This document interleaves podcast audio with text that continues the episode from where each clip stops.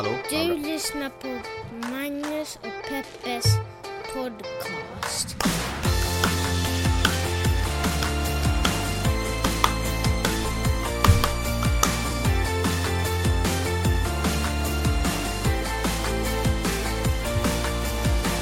Men där är ni ju, internet! Och här är ju vi, Magnus och Peppes podcast. Podcasten som pratar om stora och små händelser runt omkring i världen och kanske bara vårt grannskap och kanske bara i våra egna små betydelselösa liv.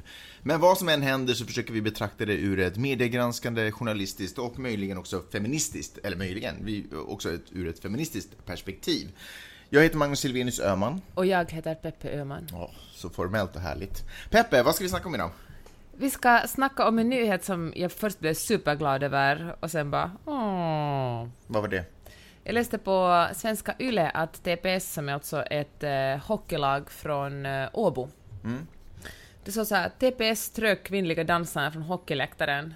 Citat, jag är ledsen, oklart vem som säger jag är ledsen. Och då känner jag ju så här, fasiken vad bra, Finland börjar äntligen steppa upp när det kommer till feminism och se liksom att vad fan har liksom halvnakna kvinnor som dansar att göra på en, som underhållning för publiken på en ishockeymatch att göra. Mm. Och uh, fan vad, vad roligt liksom att det liksom finns ett ishockeylag som går i bräschen för det här och säger nafs enough liksom. Men nu visar det sig att... uh, Den här dansgruppen som för övrigt, alltså det är ju deras cheerleaders. Ja. TPS cheerleaders som eh, heter TPS-katterna. Eller TPS-kissat. Har du också läst den här Nej nyheten? men jag, dels så Ja. såg jag det, dels så visste jag att de Ja. hette det. Men ja. Och, eh, men det visade sig att eh, det var inte alls av feministiska orsaker som de slutade dansa här, för att istället ville TPS att eh, de inte bara skulle dansa, utan de också skulle jobba som servitriser. Jaha, okej. för nu för tiden kan man beställa mat och dryck med bara en app, och det ville de att, att när, när tjejerna, är tjejerna dansar, så då kan hon då väl också jobba Okej. lite extra med att servera öl och snacks åt eh, folk i publiken. Mhm. Men de gick inte med på det, det är därför de... Eller vadå? Nej, de tyckte att det verkligen inte står i deras arbetsavtal att vadå är det, så de är, de, det är en strejk, det är därför det inte händer? Ja, Eller- vill säga att nej, vi kan tyvärr inte ställa upp det här.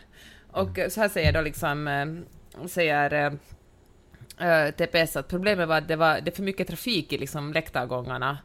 Att om både dansflickor och folk som serverar grejer för publiken, så det funkar liksom inte tillsammans, kan vi inte bara slå två flugor i en smäll. Och eh, då säger katterna att eh, Då säger katterna? Ja, Ja. vad säger katterna? då säger mjau. Nej, de säger att tack, men nej tack. Ja, och nu är faktiskt alla yes, jätteledsna över det här tydligen. Men det hade alltså noll saker med feminism att göra. Mm. Det handlar bara om att kvinnor inte bara ska dansa, utan också servera mat och dansa. Okej. Så här säger Satu Sarparantas som är medlem i dansgruppen TPS Kissat. För de vill att, att eh, det här ska lösas på något sätt för deras jobb att dansa där och, och då hoppas de på att de får en, liksom, en ny chans till våren när de bara får dansa och inte servera mat. Så säger hon, för, förhoppningsvis lyssnar man på Åboborna och dagen igen kommer då barn blir inspirerat av dans när de ser de svartvita dansarnas energiska exempel i hallen.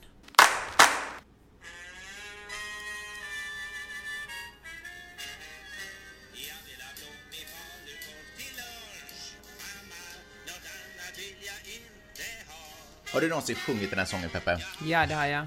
Hasse Alfredsons Blommig falukorv, alltså... eh, En klassiker. korven eller Hasse Alfredsson? Hasse Alfredsons sång, Blommig Ja. falukorv. Och Hasse Alfredsson för den Han delen. finns ju inte längre. Nej. Har du någon, alltså du är ju född och uppvuxen i Finland, har du, vad har du för relation till Hasse Alfredsson? Faktiskt inte Ingen. någon alls. Har du inte det? Nej. Jaha, är det sant? Annat än blommig falukorv? Hasse och Tage har ju hört talas om, men eh, annars, nej. Dina föräldrar då?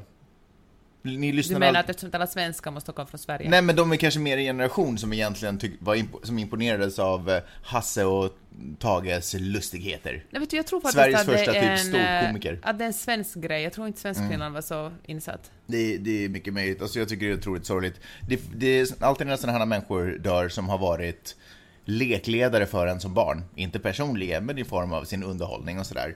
Så, eh, så känner man ju sig gammal. Men jag tänkte säga att blir det en påminnelse Ja, det om ens det egen dödlighet? Det blir det ju verkligen. Det har ju stormat lite kring eh, Hasse och Tages, eller nej, vad säga, det har ju stormat lite kring Hasse Alfredsons död. Det- För att nämligen så har, eh, det är nämligen så att någon på internet har eh, hittat en, eh, en, en artikel som skrevs av SD-Kuriren 1992. Jag visste inte ens att Sverigedemokraterna fanns för så länge sedan om jag ska vara helt ärlig. Men eh, som skrevs 1992 där de har utnämnt Hasse Alfredsson till månadens landsförrädare. Hasse Alfredsson hade vid tiden precis blivit eh, chef för Skansen. Och eh, han hade dragit igång eh, någon form av utställning som, heter, som hette Från kåldolmar till kungligheter som skulle vara en sån här en hyllning till vad invandrare har bidragit till till det svenska samhället. Och I form av att vi har importerat kungligheter från Frankrike och kåldolmar från var nu kåldolmar kommer ifrån. Eh, och så. Eh, att det, det, Ryssland, tänker jag. Nej, kanske Polen eller något sånt. Tyskland. Pol... Polen. Ja, jag vet. Ja, Tyskland. Men det är inte det en tysk grej? Man, sauerkraut och så sätter man in kol. Alltså de älskar... Ja, det måste vara tyskt. Det måste vara tyskt. Gud vad irriterande att lyssna på det här om man vet varifrån kåldolmar verkligen kommer. Exakt. Ja, men vilket fall som helst. Ehm, därför, vad är egentligen svenskt? Ville, den diskussionen ville Hasse Alfredsson lyfta. Ja, men vilket fall som helst. Det, naturligtvis så störde ju sig Sverigedemokraterna på det här då, tiden, då för länge sedan. Eh, och skrev en artikel och utnämnde honom till månadens landsförrädare. Så, och nu är det alltså någon som har hittat den här artikeln och publicerat den på sociala medier och den har fått otroligt sådär, åh, folk blir arga och bara, åh nej, så typiskt och Sverigedemokraterna hatar allting som är svenskt, kulturellt svenskt och sådär.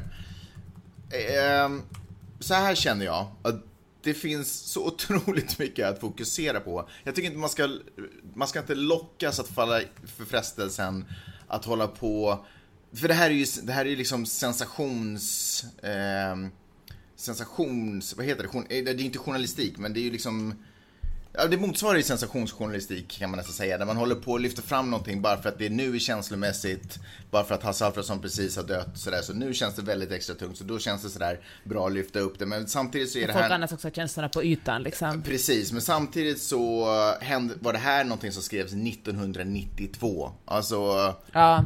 kom igen. Det, det är ju knappt människor som lever som är födda 1992. Ah, Okej, det var, var väl lite att ta i. Men jag menar, det finns så otroligt mycket som är aktuellt och som har med som händer i dagens samhälle som jag tycker man kan fokusera på. Jag tycker det är ett billigt knep.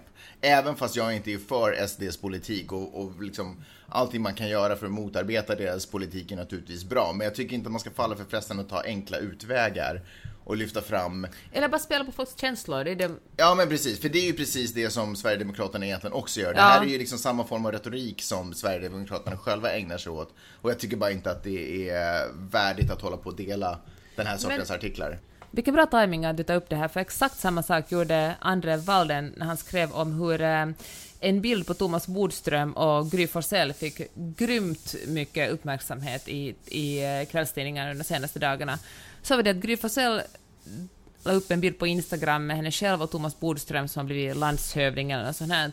Och han försökte vara lite lustig och hade en sån här eh, fjäderskrud som ursprungsbefolkningen i USA har liksom för hövding, hövding, indianhövding, höhö, landshövding och det var ju som en lustig grej. Och, och Gry har ju otroligt många följare så folk gillar och hade sig där i kommentarsfältet. Men så var det en typ som var sådär att ursäkta, visst är det här lite kulturell appropriering? Kan liksom inte den amerikanska ursprungsbefolkningen få ha sina högtidsdräkter på sig själva? Måste Thomas Bodström ta dem och, och liksom göra det till en, en skojig sak liksom? Och så var det någon som likade den här, den här kommentaren. Bland alla de här tusentals andra kommentarerna. Och, eh, och då, hade, då plockade någon av kvällstidningarna upp det här och var så här massiv, massiv kritik mot eh, Thomas Bodström.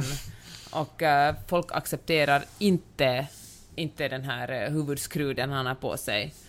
Och, och så började liksom, Expressen började intervjua experter som, som folk som är liksom statsvetare, Johan Akelius från, eh, som annars också lite sådär, eh, tycker att allt är trams som händer på sociala medier, tyckte att det var liksom, men han tyckte igen att det här var liksom, man inte ska tramsa med sådana här saker, han är väldigt så här högervriden. Och, eh, men i alla fall, men det här konto som alltså hade kommenterat det här är en, var en person som hade 25 följare, ett anonymt konto med 25 följare. Men liksom det blåses upp som världens största gräl, mediagräl. Ja. Och jag tycker, liksom det är ju, jag tycker det är viktigt att man ska tala om, om kulturell appropriering och det är liksom berättigad kritik. Men när, det, men, men när kvällstidningarna tar upp det som om, eh, som det ska vara en, en folkstorm mot det här, då blir det också någon slags motreaktion där folk säger att "Nej, men gud vad löjligt liksom, det här ska väl inte folk protestera mot, Thomas Bodström ska väl få på sig vilka fjäderskrudor han vill liksom. Jag vet inte, det blir, det blir taget ur, ur sina proportioner. Jag tycker också att experter som ska ställa upp och... Alltså, ja, jag vet, jag vet, det var det är väl exakt samma som Tallrom, man liksom verkligen gräver jävligt djupt för att, för att... Eller problemet är kanske det att när medierna skapar konflikten, de rapporterar inte om konflikter utan de skapar själva konflikten. Så du tänkte nu när det, i det här fallet det här med att en, en gammal SD-Kuriren-artikel helt plötsligt börjar svärma på sociala medier är en sak, men att sen att medier också börjar skriva om det. För då legitimerar de det på Mm. något sätt. Och jag håller med om att det är liksom en... Alltså att kalla Hasse Alfredsson för en eh, landsförrädare är ju en töntig grej, men såvida vi inte har en, allihopa har en tidsmaskin och kan åka tillbaka till 92 när den här det var ju liksom diskussionen 25 var år sedan. aktuell. Ja. Men precis. Så, men kanske, precis som sagt, kanske, för att få citera mig själv, medierna ska inte skapa konflikter, de ska Mm. rapportera om dem. Och det där är så otroligt viktigt att komma ihåg. Jag tror att många har uppfattningen om att medier går in i presskonferenser eller intervjuer med politiker eller intervjuer med vad fasiken det nu än är, Men någon form av agenda där, där det journalisten egentligen försöker bara berätta sin egen historia. Men, och, och det kan mycket möjligen vara så att det, att det händer ibland, men det är ju inte liksom, är ju inte och har ju aldrig varit journalistens uppgift att, att, att liksom ha en egen agenda när man går in. Men man försöker ju objektivt titta på vad det är som händer och, och försöker förklara ett skeende. Men, och jag tror att en av de här, miss, en av de här uppfattningarna kommer ifrån att journalister tenderar att ibland ställa, att ställa kritiska frågor och bara för att man ställer kritiska frågor så är man liksom emot det man försöker då belysa. Men Anledningen till att man ställer kritiska frågor är ju för att uppmuntra den man intervjuar att spetsa sina argument och förklara. Man, det är ju ett sätt att komma till botten med vad det är som egentligen händer. Och speciellt när man intervjuar politiker så har ju politiker oftast en, å andra sidan faktiskt de facto en agenda att prata med journalister, nämligen att få ut sitt aktuella och intressanta politiska budskap som de försöker locka liksom, opinion kring eller liknande. Skulle man till och med kunna säga att journalistens viktigaste redskap är följdfrågan? Ja men verkligen, och då är det ju ännu viktigare, speciellt om man möter en person som man vet har en agenda, att ställa de här kritiska frågorna så man kommer bortom det här, eh, det här skalet. eh, Liksom. Exakt, så journalistiken inte blir ett språkrör för någon. Absolut, absolut. Och då, och då är det klart att då kan det ju, för den som sitter och observerar det här utifrån, kan det ju, kan det ju verka som om att journalisten är liksom mot det den här personen sitter och säger, men det man egentligen försöker göra är att man försöker komma bakom den politiska agendan och, och få reda på vad det är som händer egentligen. Vilka är de här äh, mekanismerna som har lett fram till det här och varför beter sig... Man försöker titta på ett system, ett, en struktur på något sätt. Ehm, ja, så verkligen inte skapa sina egna frågor, eller förlåt, skapa sina egna nyheter och skapa sin egen historia. Men det är ju också, det är också svårt. Därför att eh, folk är medietränare nu för tiden och, och otroligt slipade, så det är otroligt svårt att vara den journalisten som inte sen i slutändan blir ett språkrör för någon annans agenda. Och även fast man liksom, det här är också en, en, konflikt för att när man, om man lyckas komma till, om jag nu till exempel skulle intervjua eh, någon moderat och, och så på något sätt gå till botten med vad den personen egentligen tycker och tänker om en situation och få den att framstå som negativt, då har ju någonstans också parallellt gått den personen, den motst, alltså moderatens motståndares ärende. Socialdemokraternas ärende kanske. Socialdemokraternas ärende till exempel. Och det, det är ju också problematiskt, så därför måste man ju hela tiden bara hålla fokus på vad är mitt jobb, berätta historien, det här är vad som händer, det här behöver, Check yourself. ja, och det här behöver läsaren eller lyssnaren eller tittaren veta om vad som pågår runt omkring hen. Och det här är ingen ursäkt, men snarare en förklaring. Orsaken till att kvällstidningarna, och nu för tiden också många morgon och dagstidningar, gör sådana här, skapar konflikter och skriver sådana rubriker handlar ju om att eh, det finns för lite pengar i media. Folk vill inte betala för det. Och då måste man locka in eh, läsare för att annonserna ska få mer synlighet, man ska få mer klick. Och det här är en grymt förenklad eh, förklaring, men ju fler människor som betalar för innehåll, desto bättre journalistik kan man göra. Då kan man kanske någonstans eh, undvika att göra sådana här, eller att själv skapa konflikter. För det är ju dålig journalistik. Ja, absolut. Ja, men så är det. Om inte, det är ju det klassiska. Om inte du betalar för det så är det någon annan som har betalat för det. Och det är, så enkelt är det. Vet du vem Felix Kjellberg är? Ja, han är den här YouTube-killen som bland annat för ett tag sedan hade en beef med, som tappade Disney tror jag det var som sponsor för att han gjorde en Hitler-skämt. Pewdiepie. Han Ja. betalade två killar för att hålla upp skyltar där det stod typ eh, vi hatar judar eller judar är dumma eller något sånt. Mm. Och eh, när folk uh, called him out på det här, alltså Pewdiepie sa han först ungefär det var inte jag som höll upp skyltarna och jag ville bara se om det funkar och det var bara ett skämt, fattar ni inte humor, ha ha ha, försökte skratta bort det. Mm. Och eh, han har ju så mycket pengar att, det, att Disney var ju en stor sponsor men jag tror liksom inte att det gjorde så hemskt ont i honom. Tror du inte? Åtminstone gjorde det inte tillräckligt ont för att han inte skulle ha lärt sig av sitt misstag. Okej. För nu gjorde han det igen. Han, den här gången så, så hade han under ett spel själv använt uh, n-ordet. Okej. Och eh, det är verkligen inte okej. Nej. Och, eh, och när han hade blivit, när folk, och han har ännu inte bett om ursäkt, eller liksom, han har väl sagt att, att men han sa det i stundens hetta, eller vad han nu sa, men han kommer säkert att be om ursäkt när han förstår att hur mycket, hur allvarligt det här är, men, men det finns någonting, ursäkta nu för att jag generaliserar, men det finns någonting i mäns stolthet, att de fan förlorar allt för de erkänner att de har fel. Mm. Är det så? Nej men, eh, en viss sorts män. Intressant nog, jag vet att vår... eh, Du bara, inte alla män. Nej, det säger jag själv, inte alla män. Jag sa det för du sa det. Usch, alla män. I alla fall, vår kompis Nille så jag hade lagt upp någonting om det här på Twitter, han har jättemånga följare. Och då märkte jag, fan vad intressant, det är hans kommentarstråd under den tweeten. Han skrev någonting att, att va, vem hade trott att Pewdiepie skulle göra något rasistiskt igen? Så var folk riktigt jättearga på att Pewdiepie blev kallad rasist för att han använde ett rasistiskt ord. De bara, men nej, vem som helst ska väl använda det ordet. På min tid var det nog okej att använda en ordet och liksom... Men alltså hur gamla följare har Nilla egentligen på Twitter? Jag menar, det är det stora problemet här. men, eh, men det är inte, det så jag tänka på, det är så intressant hur liksom, hur det här är ett ämne som engagerar folk allra mest när någon, när deras idoler, de själv, deras idol blir kallad rasist. Mm. Istället, för att, istället för att ställa sig upp för folk som faktiskt blir utsatta för rasism, Mm. då gör man något helt annat, kanske kolla på YouTube. Men, eh, men det är liksom, det är som om, eh, det är som rasist skulle vara liksom vilken, vilket kränk, det är som att säga att du är dum i huvudet. Och folk säger att du får inte säga så kränkande om min kompis. Men om någon har gjort någonting, förstår du? Men Ja, om. Pewdiepie har gjort något rasistiskt så, fan, och, och, och, och flera gånger dessutom, Mm. så liksom, de, hans handlingar börjar ju småningom visa att han är rasist. Mm.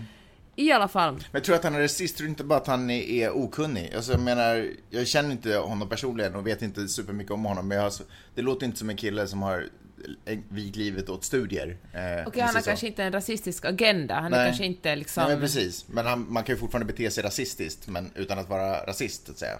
Men kan du klargöra det där? Ja men därför att om man är rasist, då, då, då tycker jag då har man en agenda, då har man en filosofi där man ser på människor av olika hudfärg som lägre stående människor i förhållande till den vita rasen.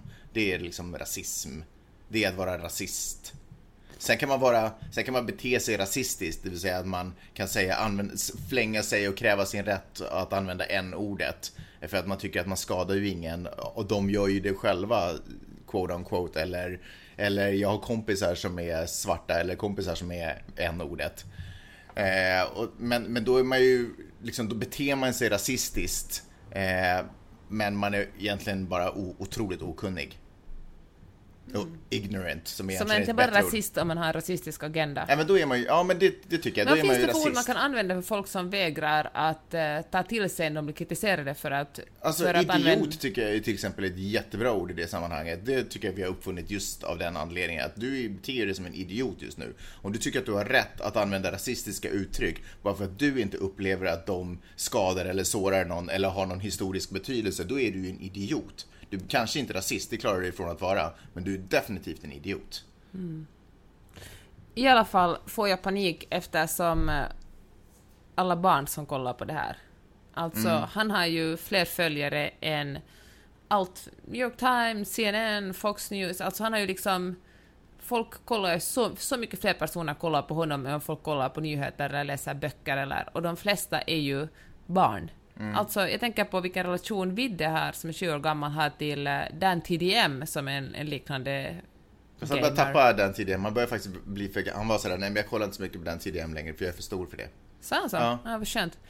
Men, eh, men att kolla liksom, men tänk på vilka liksom, alltså de är ju så enorma influencers. Mm. Det de säger, säger, man har ju liksom den dit- TDMs ord eka från Viddes mun, hans Mm. uttryck och hans liksom, och jag menar, sitter man och kikar på en, en, en person som eh, slänger ur sig rasistiska ord, så tar det ju inte länge innan, innan, det, innan barnen som kollar på mm. Men där tycker jag återigen, lite det som vi pratade om eh, i förra avsnittet, att sådär Föräldrar är inte oskyldiga. Vi kan inte bara, det är liksom inte, det är inte samhället som bara ensamt skapar barn, utan där, där om liksom barn helt eh, fritt få adaptera uttryck från influencers på YouTube eller något liknande, då, då har ju föräldrarna misslyckats. Där får man ju fan bara kliva in och förklara läget och upplysa barnen om varför det är fel. Vidde har ju också råkat slänga ur sig det ordet, eller råka, han, har ju, han visste ju inte att det var rätt eller fel, så han slängde ju också ur sig det ordet för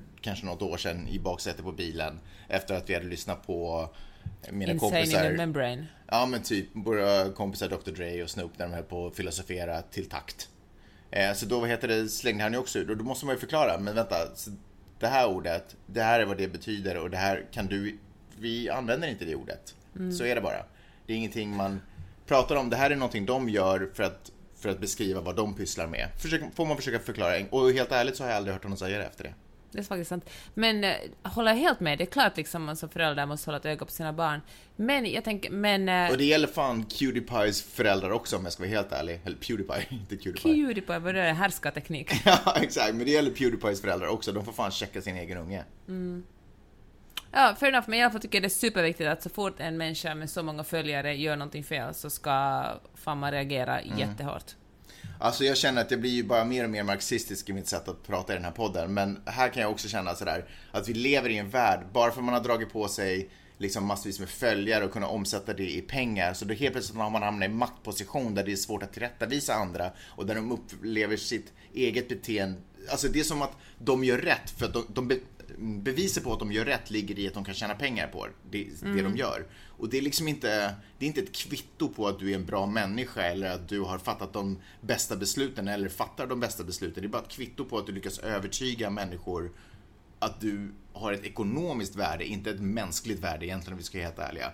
Och det där är också sådär att unga människor som skaffar sig stor framgång på Instagram utan att på något sätt ha förståelse för vad det innebär i ansvar eh, att ha följare. Till exempel så kommer du ihåg för, för länge sedan så var det den här sångerskan, jag kommer inte ihåg vad hon hette, hon publicerade någonting på Instagram där hon typ hade en cigg i handen. Och, bara, och så fick hon naturligtvis jättemycket kritik för det, en Var svensk tjej. inte, var inte din prinsessa Madeleine? Nej, nej, nej, nej, nej, nej, det tror jag inte. Nej, det här var en sångerska som, ja men skitsamma. Så vad heter det, ja men så fick hon massa kritik för att hon har en, en cigg i handen och hon ska försöka liksom mocka massa, eller folk var sådär, du är en förebild, du kan inte stå med cigg och visa partybilder på Instagram, det är liksom inte cool. Eh, och hon var sådär, men jag har aldrig bett om att vara en förebild. Nej men det här är lite det, liksom. man vill vara stor, men sen vill man inte, liksom inte ta, man vill vara stor och känd och framgångsrik och tjäna pengar och allt det där. Och leva på sin konst eller vad fasiken det är man tycker om, leva på sin hobby. Men man vill sen aldrig ta det här ansvaret, man vill aldrig ta andra sidan av myntet. Och så, det är liksom, båda ingår i paketet. Du kan liksom inte, du kan inte vara stor och framgångsrik och samtidigt inte acceptera och respektera det faktum att du påverkar massa människors liv med den framgången. Så där får man liksom bara... Okej, så men där kanske mot ett undantag. Madde, för att gå tillbaka till prinsessorna i ditt land, hon har ju verkligen inte valt att bli prinsessa. Nej. Nej, hon har inte valt, man, man väljer inte vad man blir född in förstås. Men å andra sidan så tror jag att hon inte mindar att vara en kunglighet och få åka runt. Alltså, vad fan, boo-hoo. Boo flipping who. Att hon inte får röka på bild. Stackars tjej liksom. Sen får hon göra praktik på FNs huvudkontor typ i New York och hon får, ja men du vet, whatever. Ja, ja. Det var i alla fall vad jag tycker. Så eh, det är därför ni aldrig ser mig röka på bild.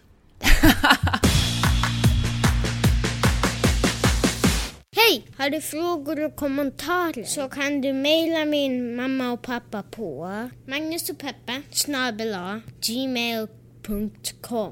Gör det!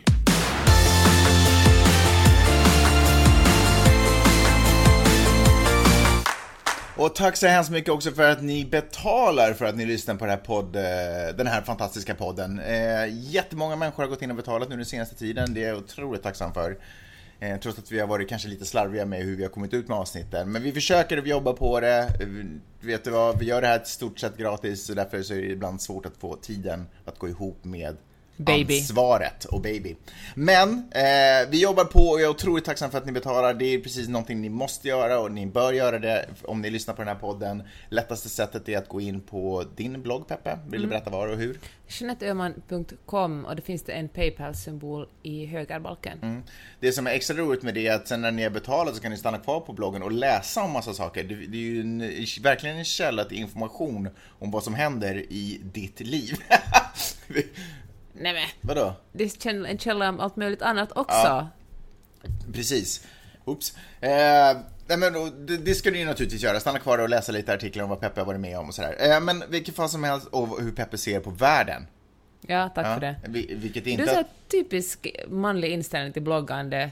Jag lägger ut eh, dagens outfit, lite ser ner på min lilla ärligt. hobby. Vet du hur mycket den här bloggen har gett dig, vet, Magnus? du- vet du vad, det är du som är känslig. Det är du som är känslig. Jag sa ingenting Ska du säga det att jag har PMS nu också? eller Nej, något men sånt? det är du, ja. du, du, så du, är så van, du är så van att höra män framförallt hålla på och kritisera Ja, men skärp er då. Så att när jag än säger någonting som ens skulle kunna gå att tolka det så väljer du att tolka det på det sättet därför att du utgår ifrån att det är på det Ja, sättet. men jag sitter just här i min. Fine. JeanetteOhman.com i högerbalken kan ni välja att antingen betala per avsnitt och då kan ni välja hur många avsnitt ni vill betala för, det vill säga motsvarar det naturligtvis mängden avsnitt ni har lyssnat på. Eller så kan du gå in och bara, nej jag orkar inte hålla på och betala per avsnitt gång för gång, så jag går in och prenumererar. Får man dessutom det lite billigare, 2,80 euro. Vad är det? Det är lite drygt en 20 kronor i månaden. Ingenting att snacka om. Inte ens kaffe. Nej. Sen så betyder det naturligtvis otroligt mycket för oss om ni går in och prenumererar på podden på iTunes eller Acast. Eh, jättebra om ni skriver en recension så vi håller oss liksom aktuella på listor och sådana saker där. Så, så, så det, får, det sprids mer och fler får möjlighet att ta till sig av våra, eh, vårt goda budskap. För jag måste ju ändå säga att det är ju kärlekens budskap vi är här med.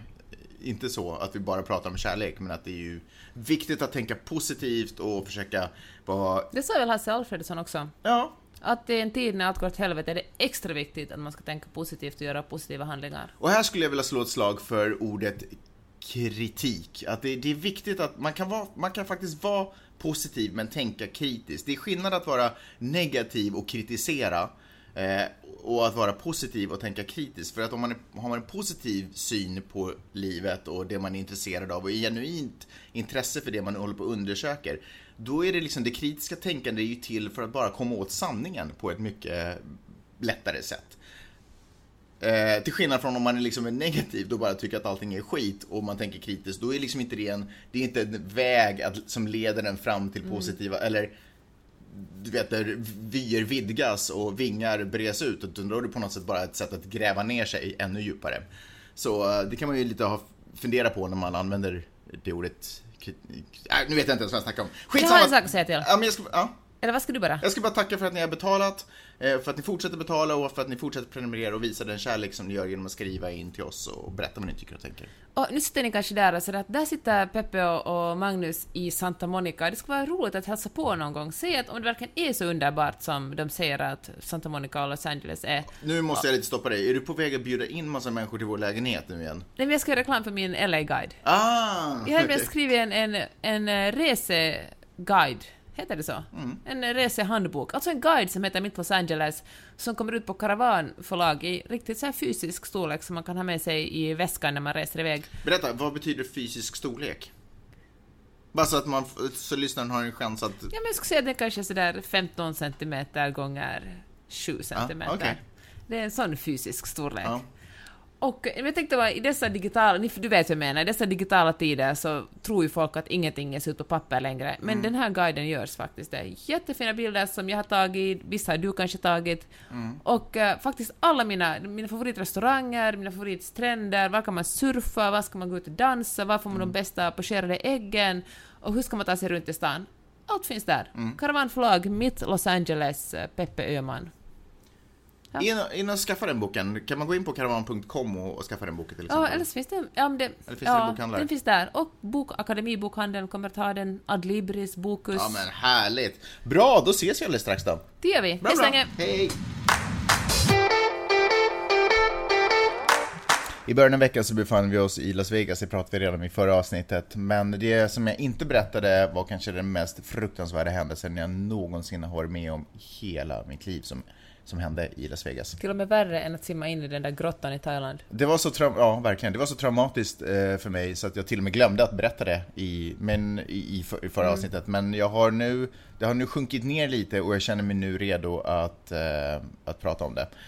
Jag tror kanske att det är därför jag som också har varit lite hårdare mot föräldraskapet eh, de här senaste avsnitten, därför att jag själv känner mig så otroligt dålig. Men istället för att vara sådär som i min naturlig, naturligtvis min instinktiva känsla att åh nej, nu måste jag försvara föräldraskapet, så har jag valt att liksom eh, se allvarligt på mitt beteende och lyfta mig och bli en bättre förälder. Så det här händer. Du är iväg och hänger med J Lo och Jill Joe. och, eh, och jag och barnen är på hotellrummet efter att ha varit ute i poolen och käkat middag och, och sådär. Så sitter vi på hotellrummet och chillaxar. Som en liten fotnot till den här kommande historien så ska jag säga att när jag var och käkade middag så, hade, så uppstod ett litet problem med kreditkorten. Eller för de på restaurangen var det inget problem, men för mig var det ett problem. För när jag kom tillbaka till rummet så märkte jag att de hade liksom dragit kortet tre gånger. När de egentligen skulle ha dragit det en gång. Jag lyckades under, un, övertyga Vidde att stanna kvar med eh, min, vår sovande dotter och hans sovande syster medan jag sprang ner till restaurangen och bara förklarade det här för dem. Jag var borta fem minuter, kom tillbaka och han var väldigt stolt över att han hade varit en bra babysitter under den här tiden. Vilket fall som helst, så vi, lite senare på kvällen så sitter vi där och Vidde börjar leta efter sin eh, typ iPad eller sin, en gadget som han behöv, ville spela lite spel på. Eh, och, vi kom, och jag kommer på att den är i bilen och han bara såhär åh, så jag har ingenting att göra, det är tråkigt. Så, bara, så var jag såhär, men okej, men vill du att jag springer ner och hämtar den i bilen? Han bara, ja men kan du göra det? Eh, så jag sa, okej men bra, samma regler, du chillaxar här, Miley hade faktiskt somnat igen. Du chillaxar här och vaktar Miley, det är ditt, uppdrag och jag är inte borta mer än fem minuter, sen kommer jag tillbaka. Han bara, okej bra. Han var typ eh, naken för vi hade precis kommit upp från poolen så han hade liksom inga kläder på så han hade ingenting emot att bara vara chillaxa på hotellrummet medan jag springer iväg. Så jag springer ner eh, till eh, bilen, eh, löser ett litet problem med eh, liksom parkeringslappen jag har och sen eh, får tag, bilen kommer fram och jag tar grejerna och så springer jag upp till hotellrummet och när jag kommer upp till hotellrummet så är Vidar inte där. Och jag så här, skriker, oj ursäkta, jag börjar inte gråta, men jag sådär jag bara, han brukar gömma sig ibland så att jag så här, ropar efter honom, Vide, är det här någonstans? Hallå, kom fram. Och han svarar inte. Så jag säger, okej okay, men nu kommer jag packa Miley's i barnvagnen och gå ut och leta efter dig. Så om du är här i rummet måste du komma fram nu. Och du vet så här, barn som, du vet, man försöker låta bestämd och man vet att det fortfarande finns en risk att de inte gör som man tror på en. Så med lite det i bakhuvudet, sådär att han kanske fortfarande är i rummet fast det inte är så pass stort och jag tycker att jag letar igenom alltihopa.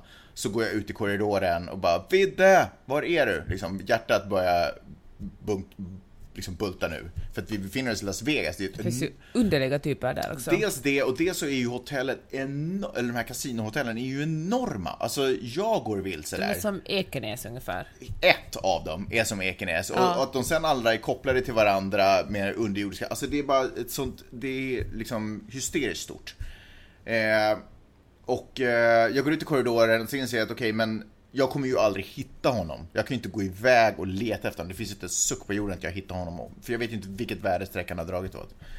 Så jag går tillbaka till hotellrummet i liksom panik och måste ringa till eh, receptionen och bara hej. Min, du vet den här skammen. Och dels också så här. Du är borta. Jag som man. Jag bara tänker, liksom, du vet det här amerikanska traditionella sättet där kvinnor tar hand om män och män är odugliga att ta hand om familjen. Och jag som man måste ringa ner och säga hej, jag hade som uppgift idag att ta hand om mina barn. Min fru är inte hemma. Nej, precis. Min fru Min fru jobbar och försörjer mig. Det Ja, enda de- jag behövde göra att ta hand om mina barn. Precis, för de frågar också sådär, är du ensam för att du bara, ja, min fru är bort, är ute liksom. Men du kunde bara sagt att jag jobbar så de inte tror att jag är någon slashas eller någon liksom Nej. då, som är ute och festar med mina väninnor. Jag sa inte att det var jobba, jag sa att det var bort. Nej, så du var fräckt. inte här, nej, men de var, de sa Vad ska de tycka om mig nu Ja, då? men de sa, exakt, let's make this about you.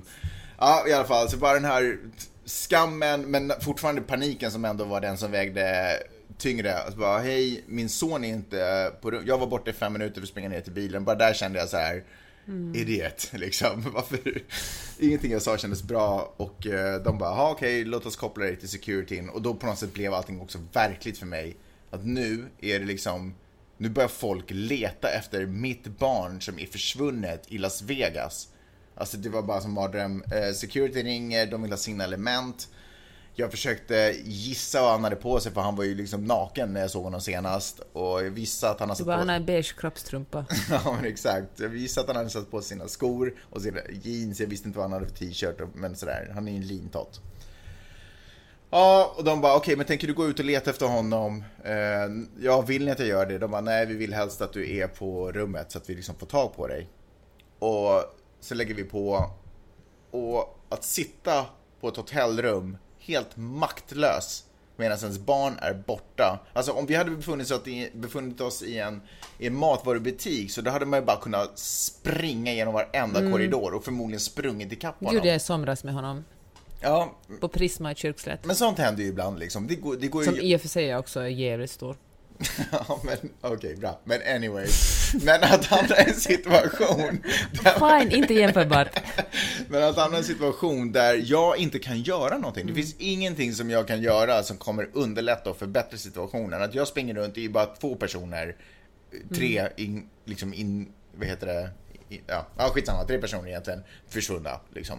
Så att bara vara tvungen att sitta och vänta på att någon annan, du vet jag såg ju alla de här filmerna spelas upp där där folk, där folk har blivit kidnappade, de måste sitta och vänta på att någon ska ringa och ge en lösensumma. Det var liksom den situationen jag var. Eller bara få reda på om personen lever fortfarande. Du vet, nästa samtal i mitt huvud var ju... Eller kun, Till mig kanske, eventuellt då. Nej, men jag tänkte sådär, för det, gick, det hade fortfarande inte gått så lång tid. Jag tänker att dig ringer jag om det går över en timme att han är borta, för då är det liksom på riktigt. Om, om, man, om man fortfarande springer runt och bara... Han kan ju fortfarande vara på vå, samma våning för tusan liksom.